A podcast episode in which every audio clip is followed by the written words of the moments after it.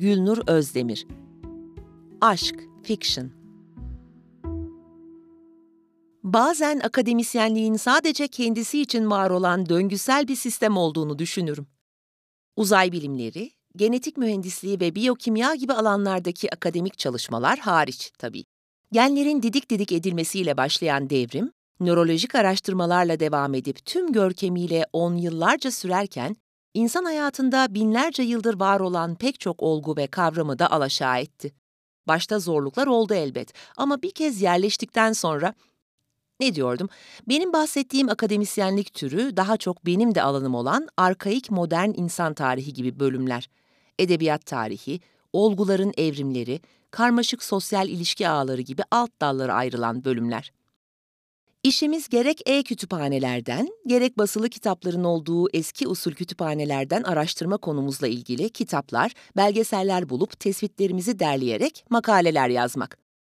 Yazdığımız makalelerde bizden önce yazılan makalelere atıfta bulunmak. İleride yazacakları makalelerde onlara atıfta bulunabilmeleri için yazdıklarımızı öğrencilere okutmak. Diyorum ya, döngü bu. Ses çıkarmayayım. Tarih araştırmalarında gördüğüm ve bugün de devam eden birkaç şeyden biri de bu. Düzenin devam etmesi için ses çıkarmamak. Bugünkü araştırmamsa tarihte var olan fakat bugün devam etmeyen bir sistemle ilgili. İnsanların ilişki kurma ve eş seçme biçimleriyle. Gen araştırmalarının yeterli sayıda ve nitelikte olmadığı, mikro görüntüleme tekniklerinin yeterince gelişmediği çağlarda feromonlara güvenilmesi normal tabii. Feromon, bilinç düzeyinde algılanmayan kokular aracılığıyla bir türün üyeleri arasında bireylerin biyolojik yapıları hakkında bilgi alışverişi sağlayan kimyasal maddelerdir. Gen tarama ve veri depolama sistemi yaygınlaşmadan önce karşıdaki bireylerin genleri hakkında belki de yegane bilgi kaynağıydı. Bu yüzden bugünden geriye bakıp insanları yargılamak ve ilkel bulmak doğru değil. Bu kolaya kaçmak olur. Mevcut imkanlarla eş seçimi yani türe yeni katılacak bireyi belirleyen genlerin sahibinin seçimi bu yollarla yapılıyordu. Özellikle biz kadınlar için işlevsel bir mekanizma. Güvenlikteki adama kimliğimi okutup kütüphanenin merdivenlerinden çıkıyorum. Basılı kitapların olduğu tarafa yöneliyorum çünkü teknoloji devriminde tüm eserler dijitale dönüştürülmemişti. Girdiğim odanın bu kadar geniş olması şaşılacak şey. Yani benim konuma ayrılan odanın. Şaşılacak olan bunların dijital ortama aktarılmamış olması değil. Şaşılacak olan bu konuda bu kadar eser vermiş olmaları. Evet, eş seçimini kimyaya bırakmaları kabul edilebilir. Fakat bu eserler her şeyin kimyaya bırakılmadığına işaret ettiği için bu durumu şaşırtıcı buluyorum. Kimyaya ve doğa kanunlarına olan bağımlılıklarından intikam almak istercesine bunun ötesine geçip aşk adını verdikleri biyolojik mekanizmayı sistematik bir şekilde dile getirmişler. Yazdıkları ve dize adını verdikleri cümlelerin son kısımlarını uyumlu yapmaları da bu sistematikleşme isteğinin bir tezahürü. Neyse, aradığım şairin adı neydi? Gidip onun eserlerini bulmalıyım. Eski edebiyat enteresan. Kimyasal bir süreçle açıklanabilecek bir olgu hakkında ciltlerce eser vermişler. Aslında önceki yüzyıllarda bunun biyolojik bir süreç olduğunu söyleyenler olmuş ama bu pek rağbet görmemiş. Bu işin ticari bir yönünün olması da bunda çok etkili tabii. Ne diyordum? Sürekli unutuyorum. Ha, bu faydalı mı, ilkel mi bir türlü emin olamadığım garip his onlara neler yaptırmış. Birbirlerinin süreçlerini seyrettikleri ve okudukları binlerce görsel ve yazılı eser. İnanılır gibi değil ama bu bir eğitim amacı da taşımıyor. Firmalar, yayın evleri, oyuncular, yönetmenler bundan yüklü miktarlar kazanmışlar evet. Fakat bu işten geliri olmayan insanları bu eserleri seyretmeye ve okumaya nasıl ikna ettiler? Hayret doğrusu. Yani bu his sadece insan soyunun devamında kullanılmıyor, bir sektör de oluşmuş. Aslında soyunu bu yolla devam ettiren çok azmış. Tuhaf şey. Özellikle benim okuduğum türdeki eserlerde insanlar olmadık işler yapıyor. İstemek ama uzak durmak, acıdan zevk almak, hayatta kalmada etkisi çok az olan ya da hiç olmayan gurur, inat, utanma gibi duygulara aşkın feda edilmesi gibi şeyler. Kavuşunca hatta kavuşma kesinleşince büyünün söneceğine dair olan inançları. Büyü. Daha eski yüzyıllarda buna da inananlar olmuş. Akıl almaz şeyler. Daha da akıl almaz olanı benim bugün hayatımı bunları araştırarak kazanıyor olmam. Yaşasın tarih. İlgili kitapları alıp kütüphaneden çıkıyorum. Merdiven kullanmak zevk veriyor. Bu noktada eski insanlarla ortak bir noktam var diyebilirim. Aslında zamanlarına sempati duyuyorum. Yalnızca bazı işlerini çok verimsiz ve çocukça buluyorum. Güvenlik görevlisiyle selamlaşıyoruz. Çıkarken de inerken de merdiven tercih ettiğimi gördüğünden olsa gerek bana gülümsüyor. Eski insanların onunki gibi işleri robotların yapacağına dair öngörüleri varmış. Çocukluk işte. Gizem arıyor. Müsait olduğumda mutlaka yazmamı söylemişti. Ama unuttum. Onu ihmal etmem hiç hoş olmadı. Ben ne zaman bu kadar unutkan oldum? Şu araştırmaya başlayalı tabii. Kafam bunlarla meşgul olduğundan dalgınlaştım, unutkanlaştım. Ama çok da mutluyum. Sanki kendime bir dopamin bombası enjekte etmişim gibi. Gizem gerçekten etmiştir. İlişkilerde rutinden. Gen tarama sonuçları uzak doğudan bir adamı işaret edince evlenip onunla gitti. Bu araştırmayı da benim başıma yıktı. Oysa birlikte nasıl da mantık yürütür, incelediğimiz bireylere nasıl da gülerdik. İçinde bulundukları komik hallerle dalga geçerdik. Bu arada gen tarama sonuçları dediğim, hepimizin verdiği örneklerin toplandığı ve insan ırkının en iyi sonuç alması için bize en uygun genleri olan bireyle eşleştirildiğimiz dijital havuzdan çıkan sonuç. Eve gelip çalışmaya başladım. Anlaşılmaz beyitler çalışmalarımı derinleştirdikçe anlaşılır hale geliyor ama bu anlaşılırlık sadece bilgi düzeyinde kalıyor. Semboller, çift anlamlılıklar yetmezmiş gibi duyguların tuhaflığı ve öngörülemezliği işi iyice içinden çıkılmaz hale getiriyor. İyi ki biz bugün duygularımızı işlevselleştirecek ve kontrol altında tutacak tıbbi gelişmeleri kaydetmişiz. Çocukluğumuzdan beri olduğumuz aşılar, yılın belli dönemlerinde aldığımız ve beynin istediği zaman istediği hormonu salgılamasının önüne geçen ilaçlar, dopamin ve serotonin bombalarını yalnızca gerektiği zaman kullanıyor olmamız çok iyi. Yoksa ben geçmiş çağların karmaşasında ve rastgeleliğinde ne yapacağımı bilemez, kesinlikle yok olur giderdim.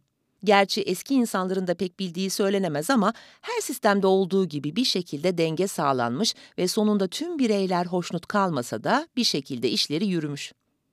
Neyse, bugünlük bu kadar çalışma yeter. Hatta çok bile. Beynim bir kazana döndü.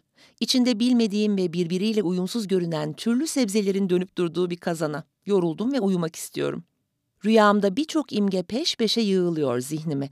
O kadar hızlı geliyorlar ki bazılarını seçemiyorum bile.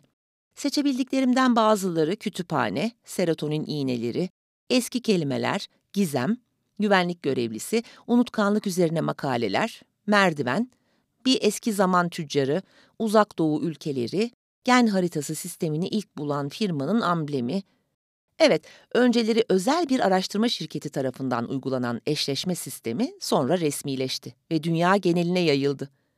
Hastalık taşıyan genlerin her iki bireyde de bulunup bulunmadığı, ortak olmayan gen kombinasyonlarının ne gibi sonuçlar doğurabileceği, bazı kişilik özelliklerinin karşı tarafla uyumlu olup olmadığı gibi pek çok bilgi ortaya dökülüyor. Başlangıçta çiftler halinde başvurular alınıp uyum olup olmadığına bakılmış olsa da zamanla sistem iki kişiyi kıyaslamayı bıraktı ve verilen tekil örneklerin sistemde en çok kiminle uyumlu olduğunu tespit edecek şekilde gelişti. Aslında bu sonuçlarda çıkan kişiyle bir araya gelmek yasal olarak zorunlu değil ama kimse farklı bir tercihte bulunmayı düşünmüyor bile. Yalnızca bazı kimseler form doldururken inanç, ülke gibi konularda kısıtlayıcı tercihlerde bulunabiliyor ama böyle yapan kişi sayısı da çok az. Rüyamı bir kenara bırakıp evden çıkıyorum. Akademideki derslerimi erteledim çünkü çalışmalarım çok yoğun ve sunumların yapıldığı döneme yetiştirememekten korkuyorum. Başka sebebi yok yani. Evde çalışabilirdim ama kütüphanede bana iyi gelen bir şeyler var. Atmosferle ilgili olsa gerek. Başka ne olabilir ki? Günümüz insanı işlevsellikten yana ama ben çalışma alanımdan dolayı eski binaları, nesneleri seviyor, onlara büyük bir ilgi duyuyorum. Evet, seviyorum dedim.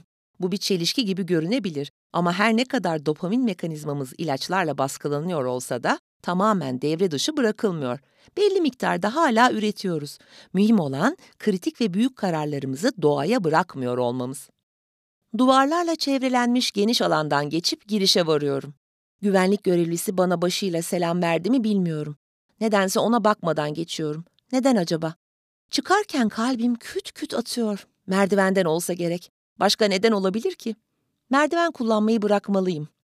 Yukarı çıkınca çalıştığım konuyla ilgili bölüme giriyorum. Bir tıkırtı oluyor, aldırmıyorum. Hep konumlandığım masaya yerleşiyorum. Not alma cihazım her zamanki gibi çantamda. Ama o da ne? Dün buradan alıp eve götürdüğüm kitapları yanıma almadığımı fark ediyorum. Moralim bozuluyor. Raflardan konuyla ilgili başka bir eser arıyorum. Bunu yaparken heyecan ve kaygı içindeyim. Ben ne zaman böyle unutkan, heyecanlı, dalgın oldum? Doğru ya, araştırmaya başlayalım. Ya da Gizem'in töreninden sonra. Zaten aşı hatırlatıcımı da o törende kaybetmiştim. Elimde divan şiirlerinden seçmeler ve araştırdığım şairin başka eserlerinden oluşan bir yığınla masama dönüyorum. Oturup kitaplara eğilmemle birlikte saçlarım gözlerimi örtüyor. Toka takmamış mıydım? Duyduğum tıkırtıyı hatırlıyorum. Düşürmüş olmalıyım. Herhalde aşağıda olmuştu bu. Ana girişte, güvenliğin oralarda. Evet evet, aşağıda olmuş olmalı. İniyorum. Ağzım kuruyor. Nefes alıp verişlerim hızlanıyor. Merdiven inerken bile kalp atışımın hızlanmasıyla dopamin baskılayıcımı unutmamın ilgisi olup olmadığını düşünmeyi tokamı bulduktan sonraya bırakıyorum. Belki biri bulup güvenliğe bırakmıştır. Onun yanına. Gider sorarım. Ağzım kurudukça kuruyor. Güvenliğe doğru ilerliyorum ancak görevlinin endişe dolu mavi gözleriyle karşılaşıyorum. Yüzünde beni rahatsız eden bir şey var ama aynı zamanda beni kendine Hormonları yüzde yüz öldürmememiz bunun gibi işlere yarıyor. Benim gibi bir Leyla'nın, yani bu kelime dalgınlar için kullanılıyor, resmi kütüphanedeki bir eserle öylece dışarı çıkmasını engellemek gibi işlere. Çünkü yukarı çıkarken tokamı unuttuğum gibi aşağı inerken de elimdeki kitabı bırakmayı unutmuşum. Nazım Divanı. Yalnız güvenlikçinin gözlerinde farklı bir alev var. Neden bu tabiri kullandığımı sorgulamayı sonraya bırakıyorum.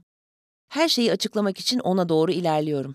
O sırada başka bir açıklama zihnimde beliriyor. Yüzündeki hayret ve ilgi onunla ilgili değil, benim uzun süredir ilaçlarımı kullanmamamla ilgili. Onun yüzüne bu yorumları, bu anlamları veren benim. O yine eskisi gibi dümdüz bakıyor. Yani öyle olsa gerek. Bense bambaşka bir şey görüyorum. Tıpkı bir karşısında durup yüzüne baktığım an neden onun yerini robotların tutamayacağını idrak ediyorum. Beyitlerden birinin anlamını çözdüğümü fark edip not alma cihazımın olduğu üst kata doğru çıkmak için geri dönüyorum. Sonra hala varsa aklıma bir fikir geliyor. Onun bileğinde de bir aşı hatırlatıcısı olduğunu, onunkinin de kaybolabileceğini, kırılabileceğini, bozulabileceğini düşünüyorum. Yukarı çıkınca divan edebiyatı tarafına değil, diğer tarafa yöneliyorum. Ahlakla ilgili bölümü geçip teknoloji tarafına ilerliyorum. Gel gör Nazım, başa geldi akıbet. Divane gânı aşka gülerdik zeman ile. Beytini içimden tekrarlıyorum. Beni bu divanelikten kurtaracağını düşündüğüm kitabın önünde duruyorum. Dijital hatırlatıcılar, çalışma sistemleri ve bloke ediciler. Konumla ne ilgisi olduğunu görevliye nasıl açıklayacağımı düşünerek eve götürmek üzere kitabı alıp merdivenlerden iniyorum.